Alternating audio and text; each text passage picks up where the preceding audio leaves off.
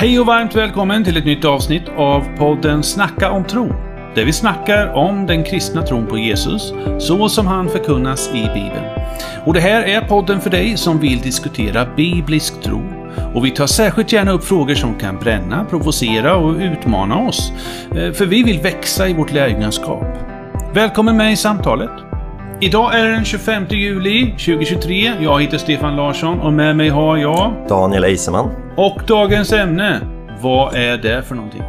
Dagens ämne är kontextualisering som också är ett kapitel i boken Helighet och barmhärtighet. Precis, vi håller ju på nu. Det här är, vad är det, fjärde, femte, fjärde avsnittet. Där vi går igenom slutrapporten från EFK, Helighet och barmhärtighet och nu är vi inne på då det femte kapitlet. Kontextualisering, Daniel, take it away. Jo, när det gäller kontextualiseringskapitlet här så dels, dels gör jag en liten reflektion att vi börjar prata om kontextualisering innan vi pratar om eh, själva sakfrågan egentligen. Ja, just det. som är homosexualitet i bibeltexterna. Hur ser bibeltexterna på det? För kontextualisering handlar ju om att jag tar min bibelsanning och ska nå ut med den i ett sammanhang. I en Yes. kultur eller i ett samhälle eller i någon situation där det är mer eller mindre utmaning att göra det. Mm. Och det här tycker jag bidrar till en viss liten förvirring för läsaren förstår inte riktigt varför vi läser om kontextualisering Nej. innan vi vet vad vi ska kontextualisera. Ja. Därför tycker jag det kan vara lämpligt att vi klargör en del här. För det första så tycker jag att vi ska klargöra definitionerna på de här begreppen. Det finns några begrepp. Missionell pragmatism som nämns. Kontextualisering. Mm. Du hade två också. Ja, som jag hade tänkt på, det var ju inkarnation och profetisk funktion. Just det. Så de fyra begreppen Ja. vill, börjar vi med. Mm. Och försöker sätta en kort koncis mening vad var och en av de här betyder. Ja, och kontextualisering då. Vi tar, det, är ju ändå rubriken för kapitlet. Mm. Men, men jag vill börja med missionell pragmatism. Jaha, För det, det är lättast och det kommer först i boken. gör du det? Ja, Jaha. Så just missionell, ordet missionell då, det är ju ett ord som EFK mer eller mindre har uppfunnit själva. Mm. Det är som ett adjektiv motsvarande mission som är substantivet och missionera som är verbet. Inga konstigheter. Sen ordet pragmatism. Heller inga konstigheter. Att vara pragmatisk, det innebär att jag, att jag tar mig för någonting där jag kan rucka på en del principer. Jag kan göra ett undantag för att uppnå det som principerna egentligen Mm. var satta för att jag skulle uppnå, så att säga. Kontextualisering, Mm. det är, lite, det är lite tuffare begrepp då. Ja. Inte för att det är särskilt mycket tuffare att förstå, men för att man använder det i rapporten väldigt frekvent och med en väldigt tyngd. Mm.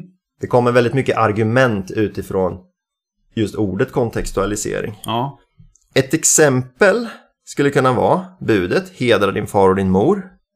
Det budet är tidlöst och sant i alla sammanhang. Mm. Men eh, till exempel i samhällen där släkter är det sammanhållande kittet eller om samhällen där, där, där kärnfamiljer är självklara, som i Sverige för några generationer sedan. Då bör man ju bara läsa upp budet som det är. Ja. Med barn som växer upp utan en eller två föräldrar. Mm. Som i Sverige idag, kanske lite mer. Då är förälder-barnförhållandena i stor utsträckning fulla av sår som behöver läkas. Ja. Och då får ju kontextualiseringen innebär ju, alltså den får en större betydelse då i att det är kanske inte bara att läsa upp budet, utan jag behöver undervisa mer om föräldraskap och barnaskap kanske. Mm. Vi kan till exempel ha svårt att förstå det här att Gud är vår far. Det är ett ganska populärt exempel som nämns i predikningar. Mm. Det är svårt att förstå det ifall jag är uppväxt utan en far. Mm. Men eh, i en kultur där det är självklart att jag är uppväxt med en far, jag vet vad ett faderskap innebär, kräver inte begreppet något mer direkt än att bara nämnas. Mm. Så det skulle jag säga att kontextualisering är. Så om man ska ta några riktigt banala exempel, Mm. bara för att förtydliga det ännu mer, exempel brukar vara ganska bra. Om vi tar, inte något från Bibeln, utan vi tar eh, att eh, på vintern i stan så kan det stå så här varning för istappar. Mm. Och eh, det är för att jag ska akta mig för istappar som kan trilla ner ifrån taken. Mm. Men eh, om jag är i en förort där kanske människor kanske inte kan svenska utan Mm. vi har invandrartäta områden Mm. där de flesta är arabisktalande. Då kanske jag vill ge samma budskap där, Mm. för det är samma fara där. Så jag går och ställer upp min skylt där. Mm. Men då vill jag ju kontextualisera detta. Jag vill att människor ska förstå det här på det nya stället där skylten sätts upp. Mm. Och därför kanske jag i det här fallet behöver kontextualisera genom att lägga till en tilläggsskylt där det står samma budskap på arabiska då. Mm. Och det skulle jag säga, här har vi kontextualiseringen. Mm. Men budskapet är exakt detsamma, Mm. vilket är otroligt viktigt för kontextualisering. Det skulle kunna vara ännu svårare, det skulle kunna vara så att Det kan vara Vivalla där vi har 70 olika språk. Då behöver du använda en bild istället. Ja, fast vänta, vänta. Jag ska ta ett bättre, som jag tycker är ett bättre pedagogiskt exempel. Mm.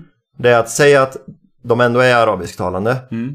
men säg att de inte vet vad istappar är för någonting. Ja. För det finns inte i så varma länder. Mm.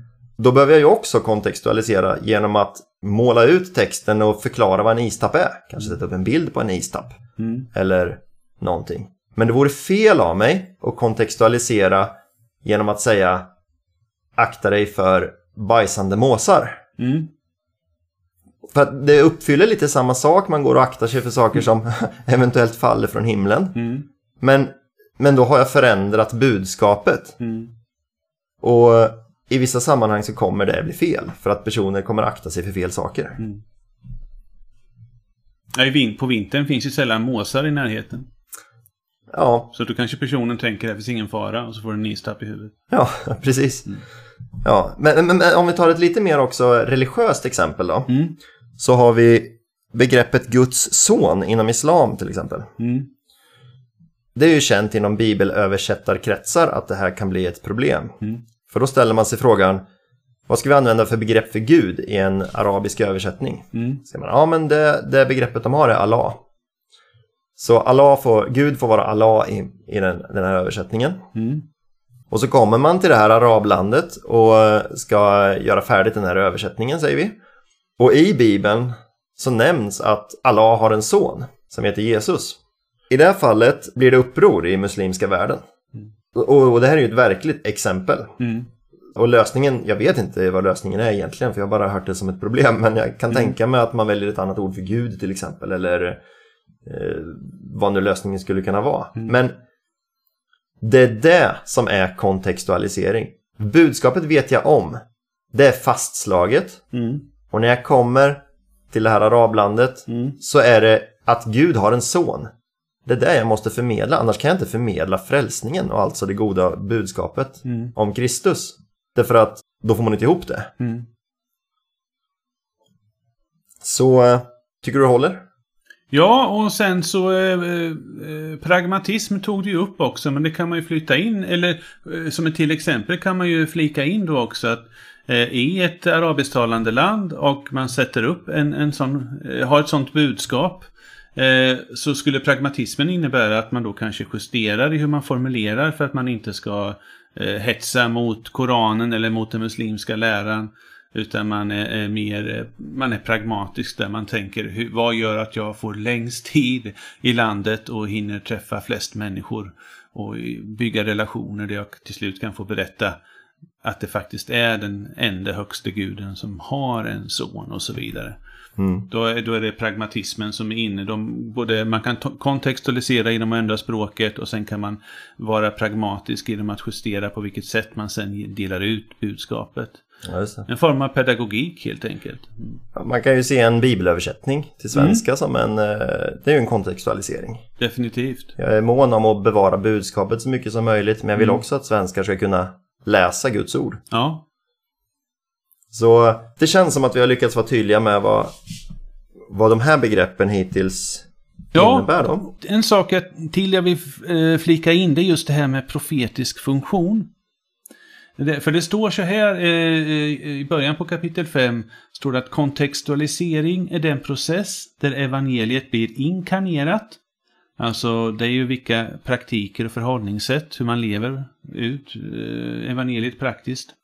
Eh, Kontextualisering är den process där evangeliet blir inkarnerat i en konkret historisk och kulturell situation på ett sådant sätt att evangeliet både hittar ett autentiskt uttryck i den lokala kulturen och samtidigt förmår förvandla denna kontext profetiskt. Så det här är också en grej som flikas in att budskapet vi har evangeliet måste kontextualiseras. Vi måste leva ut det, det vill säga det måste inkarneras. Men när vi kontextualiserar och inkarnerar så måste vi vara visa. Vi behöver vara pragmatiska. Men det som avgör om vi är på rätt spår eller inte, det är om vårt budskap fyller sin profetiska funktion. Och det säger man är att både människor och samhällen ska förvandlas i långa loppet. Då. Och du har gett lite olika exempel. Och då blir jag nyfiken. Ja, och, och anledningen till att jag var tvungen att göra de här exemplen för mig själv Ja. var ju just det att jag tycker att i rapporten så ger man inte de här exemplen Nej. och saker flyter ihop väldigt mycket. Ja. Jag, jag tycker att man vid flera tillfällen pratar om kontextualisering fast egentligen så avser man missionell pragmatism. Ja. Jag är med dig på det att eh, kontextualisering, tittar man till exempel på kapitel 5 där hur den texten löper så är det ju sidan 82, 83, eh, det är 84 delvis, eh, ja det är egentligen så löper det genom hela kapitlet. Och sen när man kommer i slutet av kapitlet till den så kallade C-skalan för hur man missionerar bland muslimer, då ger man lite mer konkreta exempel på hur kontextualisering kan se ut. Men jag är med dig där att det hade varit mycket mer pedagogiskt om man hade tillåtit sig i texten att ge konkreta exempel. Och sådana dyker upp lite sen i missionärers berättelser och så, men det gör ju att ska jag förstå eh, slutrapportens eh, så att säga fulla definition av kontextualisering så måste jag samla bitar spridda genom rapporten och det gör att rapporten blir ju mer svårtillgänglig. Mm. Och sen blir det på något sätt lite, eftersom stycket kommer innan vi går in på själva bibeltexterna, Ja, så får man ju också lite känslan av att okej, okay, de kommer lösa det här problemet Mm. med hjälp av kontextualisering. mm, Frågan är om kontextualisering är rätt verktyg Ja. att lösa den här frågan med. För det beror nämligen på frågans natur. ja, När vi nämnde det här budet, du ska hedra din far och din mor. ja, Det kan vi se är ett evigt bud som gäller i alla tider bara för att det gavs till Mose på Sinai berg av Gud själv. mm, Och den betraktas rakt igenom Bibeln som, som Guds eller universums, en av grundläggande morallagarna. mm, Och därför mm. kan vi dra slutsatsen att det är tidlöst. Och därför kan vi dra slutsatsen att det är en sanning som är Mm. sann i alla kontexter. Mm, Det finns ju andra exempel, till exempel att du inte ska berusa dig på alkohol. mm, Det betraktas också som synd. mm. Men, men i Sverige för ett antal generationer sedan så sa man att du ska inte ens dricka alkohol. mm. Vilket om man läser noggrant i Bibeln, det är inte en synd att dricka alkohol. Den slutsatsen kan man inte dra. Nej, tvärtom. Eller så här, vin är ju en viktig del, viktigt inslag i kulten och så vidare i Israel. Och, men det är ju skillnad på att dricka, eh, dricka sig, om man säger att man kan känna en berusning och en eh, avkoppling eller vad man nu kan uppleva. Och att dricka sig så pass berusad att man tappar kontrollen över vad man säger och gör. Och det jag menar där är att i Sverige för ett par generationer sedan då, när man hade syndakatalogen, på gott och ont får vi säga. Vi brukar ofta bara tänka att det var ont nu för tiden. Men eh, det gick att göra en sån så att säga förenkling i det svenska samhället eftersom det fanns en samhällelig konsensus om att när man roar sig så super man skallen av sig Ja, och det är inte bra men folk gör det ändå. Och så ser man att kristenheten står för någonting annat, någonting positivt i allt negativt. Mm. Och då kan man göra förenklingen och alla går med på den och säga att ja, men, när vi är kristna så dricker vi inte alkohol. Mm. Men om man samma tid går till Portugal eller Spanien Mm. så vore det helt bedrövligt att påstå där att man inte kan dricka alkohol. Mm. Därför att alla dricker det till maten, till middagarna.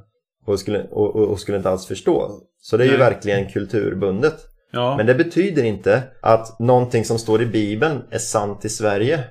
och inte i Portugal. Nej. Och tvärtom. Mm. Och det betyder inte att det kan finnas någon kultur där det är, där det är okej att supa skallen av sig. Nej. Och en, eller en annan kultur där det inte är okej att ens förtära. Mm. Det är ett exempel på ett, eh, på ett förhållningssätt där Bibeln ger olika signaler som reglerar eh, att alkohol eh, får man definitivt dricka. Mm. Men i vilken form och på vilket sätt och med vilket resultat. Där finns det andra bud. Jag kommer inte ihåg exakt, det brukar väl översättas Låter inte fyllas av alkohol utan av helig ande eller något sånt där. Men att det finns en kontrast mellan att följa helig ande och att vara berusad av alkohol. De två sakerna går inte ihop. Mm. Eh, Så det finns inga bibliska förbud mot alkoholförtäring även om man själv då till exempel eh, är man alkoholist så ska man definitivt inte dricka alkohol. Det är en, det är en annan sorts ett personligt, eh, personlig visdom. Men när det kommer till det budet med föräldrarna, ja, men det är att vi ska hedra våra föräldrar, vår far och vår mor. Det är ju ett universalt bud. Det är ett Mm. påbud eh, som inte är förhandlingsbart. In, eller inte har några grader, inte några skalor. In, Mm. Inte, inte situationellt. Men här måste vi också se för, för på så vis skiljer sig ju de här bibelsanningarna sig Mm. åt lite. Att man inte ska dricka alkohol, det står inte i ett Guds bud. Nej. Det står på ett annat sätt. Man måste ta till andra, eh, en annan sorts läsning för att komma fram till att berusa sig är en synd. Ja. Och det ligger då i, i själva allmänna moralen om att Mm. Det är grundat i att jag också är, jag ska ta hand om min kropp Mm. och jag ska se till som sagt att inte, att inte utsätta mig för en situation där jag faller i andra synder, vilket är Mm. lätt då ifall jag berusar mig. Mm. Och det kan avgöra hur jag ska kontextualisera i den här frågan. Mm. Så när vi tittar på homosexualitet, Mm. om nu homosexualitet är en synd, varför är det sant att homosexualitet är en synd? Eller varför är det sant att homosexualitet inte är en synd? Mm. Kan det vara så att det har varit en synd en gång i tiden men inte är det längre? Jag Vi, skulle... vi förtydligar som jag gjort i tidigare avsnitt. Det är inte läggningen vi, ute, vi avser utan det är just att praktisera homosexuella sexuella handlingar. Utlevd homosexualitet ja. Mm. Det är egentligen alltid det vi pratar om. Mm. För det andra är icke kontroversiellt Mm. som vi ser på det i alla Mm. fall. Men eh, nu som sagt tar vi det här avsnittet innan vi kommer till att prata om de här bibelställena. Så vi får gå händelserna lite i förväg Ja. och bara avslöja det som rapporten också eh, skriver. Att homosexualitet, det knyts till skapelsen. Mm. Det är homosexualitetens argument så att säga. Mm. Eller homosexualitetssyndens argument är att den är knuten till skapelsen. Mm. Och det betyder att det kommer vara en synd så länge vi lever i samma skapelse Mm. som skapades i första Mosebok Mm. 1. Det är egentligen inte svårare fråga än så, skulle Nej. jag säga. Kontextualiseringen får ju inte ändra på det, på, på det bestående, eviga eller det, det budskap som gäller så länge vår skapelseordning består. Mm. Det blir poängen att när man ibland kan ha en, en, en eh, vad ska man säga, en variation i hur man beter sig. Man kan vara både vis och man kan vara praktisk, pragmatisk. Mm. Eh, och man kan vara pedagogisk och så vidare. Men det är just vad det är för budskap man för fram. Och om budskapet är beständigt så är ju slutmålet att budskapet ska komma fram i sin helhet till de människor man, man, man lever med eller jobbar med, eh, missionerar till. Så att budskapet får en chans att transformera, förvandla det här profetiska syftet. Eh, om man stympar budskapet eller byter ut det, då, då får det inte en profetisk sälta. Då kommer det inte komma åt människors hjärtan och kommer inte förvandla samhället. Så att en kontextualisering får aldrig, aldrig handla om att ändra, och det skriver man i rapporten också, får aldrig handla om att ändra budskapet i evangeliet. Men Sen kommer en annan aspekt av det, som du är inne på här. Och det, det kallar de för vad är eh, centralt i evangeliet och vad är icke-centralt? Vad är viktigt? Vad är grundstenarna? Och vad är, är så att säga saker vi faktiskt, som ofta kommer med i berättelsen men som inte är avgörande för att transformera människors liv. Och de kallar det även på ett annat ställe. Vad är det i Bibelns texter som är partikulärt? Som hänger ihop med bara just den situationen och vad är det som är universellt som du sa förut? Så att det här gör ju att eh, man behöver fundera över i, i, eh, i ens eh, missionerande, vad är det som är evangelium? Så att inte man i sin eftersträvan att vara pedagogisk och pragmatisk eh, tappar bort budskapet. Eh, och då är ju en sån här fundering som du och jag kan dryfta här nu. Eh, och som, man, man tar upp den på lite olika sätt i slutrapporten men eh, för dig och mig att fundera kring nu om vi skulle kontextualisera frågan om samkönade relationer att en man inte får ligga med en man så som en kvinna. Att eh, Gud skapade man och kvinna till att bli ett kött och andra passager som eh, man senare i kapitel 11 och även i synteskapitlet kapitel 12 kommer bekräfta eh, att Bibeln har faktiskt en negativ syn på samkönade sexuella handlingar. Hur ska då det kontextualiseras utan att det budskapet går, går förlorat? Ja, precis, och det där är det här hur vaktar vi på att budskapet inte ska gå förlorat? Mm. Därför är det jag tycker att rapporten är väldigt dålig på. Mm. Och rapporten förklarar inte de här grejerna på ett tydligt sätt. Nej. Vilket gör att det blir väldigt svårt för oss som läser rapporten. Mm. Alltså, om man inte redan har en klar och tydlig syn på den här frågan. Mm. Så blir det väldigt svårt att läsa rapporten och få en klarare syn. Ja. Därför att rapporten Rapporten rör upp så mycket mm. i sina oklara definitioner och lite sammanblandning av begreppen här. Mm.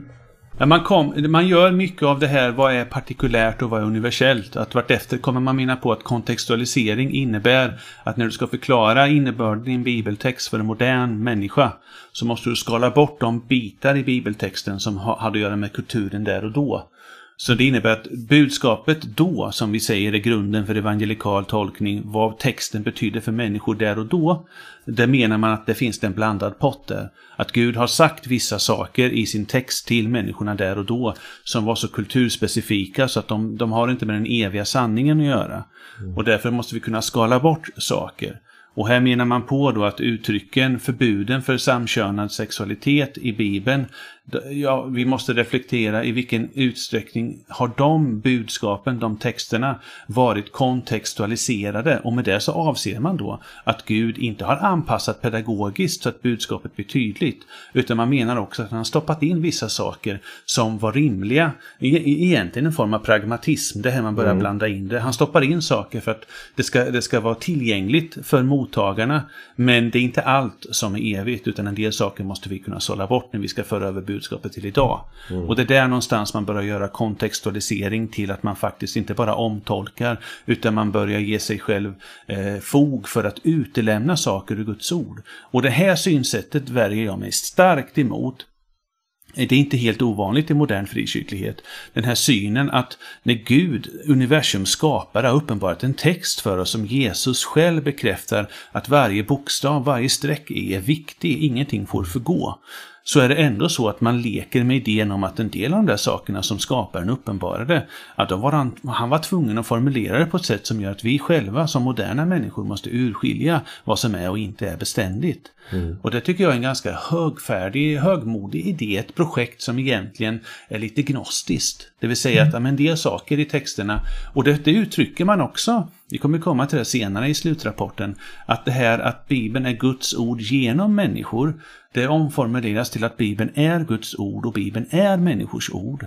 Så att det mm. finns helt enkelt mänskliga slaggprodukter kan man säga i bibeltexten, mm. så vi måste ha urskiljningsförmåga genom helig ande att kunna sållra bort. Och det här värjer jag mig emot, det är inte min förståelse av vad bibeltexten är. Det, det, är inte kanske ett ifrågasättande av vad texterna betyder, för det slingrar man sig inte riktigt undan. Eh, eller vad säger det lyckas man inte slingra sig undan och det, det vill man nog inte. Det här, det här är genuina försök att reflektera kring, kring en, en problematik här. Men man, man skapar en sorts eh, exegetiska metoder eh, och eh, vad säger man, hermeneutiska, tolkningsmässiga metoder när man ska föra över det här till modern tid som gör att man tillåter sig själv att bortse från vissa formuleringar och, och delar av texten texten. Så det är alltså inte texten som är helig, så som Paulus påstår. De heliga texterna, skrift, eh, de heliga skrifterna är heliga. Det är texterna som är heliga. Det är så eh, också våra rotsamfund, eh, Örebromissionen och Helgelseförbundet, deras ledande pastorer och teologer uttalade att det är texterna, det är skrifterna som är heliga. Det är inte författarna som är inspirerade egentligen ytterst, utan det är texterna.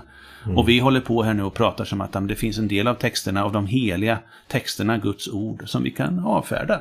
Mm. Så att vi är inne i ett projekt som är väldigt modernt eh, slash postmodernt. Ja, och det här kan man ju fundera över att om Gud nu har gett oss Bibeln då som Guds ord Mm.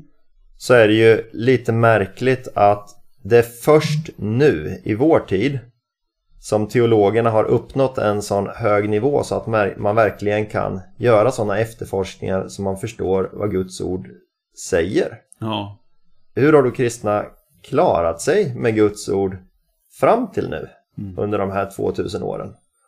Om man inte har haft de verktygen som tydligen måste till för att man ska kunna avkoda det här. Mm. Och det kan man ju också lägga samman med vad Bibeln själv säger om sista tiden. Mm. När det kommer komma villoläror Ja. och villolärare. Ja. Nu kommer vi inte ta det här i just den här serien. Nej. Och just det här avsnittet får väl anses som lite över. Vi får knyta ihop säcken här och Mm. nu känns det ju lite som att vi knyter ihop den utan att riktigt komma till slutsats. Tycker jag. Men det är lite så det måste kännas för att vi kommer återkomma till de här sakerna när vi pratar om de här aktuella bibeltexterna och hur bibeln ska tolkas och när vi kommer till själva sakfrågan. Ja. Och då kommer vi ha det här avsnittet att kunna luta oss tillbaks emot Mm. och hänvisa till för att då kan vi prata fritt om kontextualisering och ja. vad de riktiga definitionerna för kontextualisering Jag lyfter Och bara fram en, en sista sak. Att en sak som de tar upp i kapitlet det är att när vi som kristna är oförsiktiga med att eh, så att säga bejaka Eh, den kultur, den samtid vi lever i. Eller snarare sätta oss in i den och förstå den. Vilket är en del av att kunna kontextualisera. Måste jag förstå de människor jag vänder mig till. Men att vi kan stiga så djupt in i deras kultur att vi blir okritiska.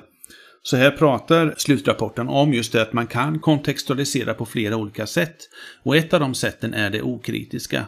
Där man eh, riskerar att bli en synkretistisk. Man blandar samhällets värderingar och Bibelns värderingar. Och det leder fram till att man blir, som också nämns då i kapitlet, fascisett kallas det, att man har dimmiga gränser. Man, man kan inte definiera till slut riktigt vad som är genuint biblisk kristen tro. Man tappar bort orienteringen helt enkelt. Så det här är ju risken eh, som finns när man kontextualiserar på fel sätt. Eh, så att det du och jag egentligen vill lyfta fram, det är ju det stora värdet av att ta samtliga de här begreppen på fullt allvar. Det vill säga att vi måste kontextualisera, det vill säga vi måste vara pedagogiska. Det går inte direkt till en människa som inte har något med, med kristen eh, så att säga kultur och tro att göra och bara säga så säger Herren. Det är svårt och sen liksom köra med kanans tungomål utan vi måste anpassa till målgruppen. Eh, och eh, syftet ska vara eh, profetiskt, vi ska transformera och vi måste leva trovärdigt, vi måste inkarnera. Och, och vi måste vara visa, vi måste kunna vara pragmatiska och, och se situationen och förstå vad är bäst att lägga fram nu, vad kan jag lägga fram sen och så vidare. Så att allt det här är jätteviktigt som tas upp i kapitlet.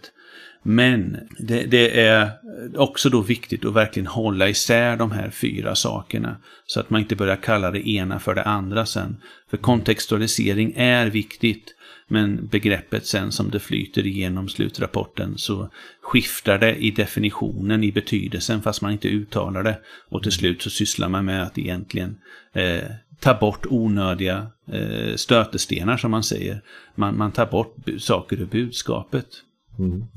Bra, vi kommer återkomma. Mycket kommer handla om kontextualisering även i framtiden. Mm. Det här är ett väldigt centralt grej så jag tycker det känns bra. Ja, Vi eh, nöjer oss där för det här avsnittet och sen så kommer vi återkomma Mm. i senare avsnitt. Tack Kör. för den här gången.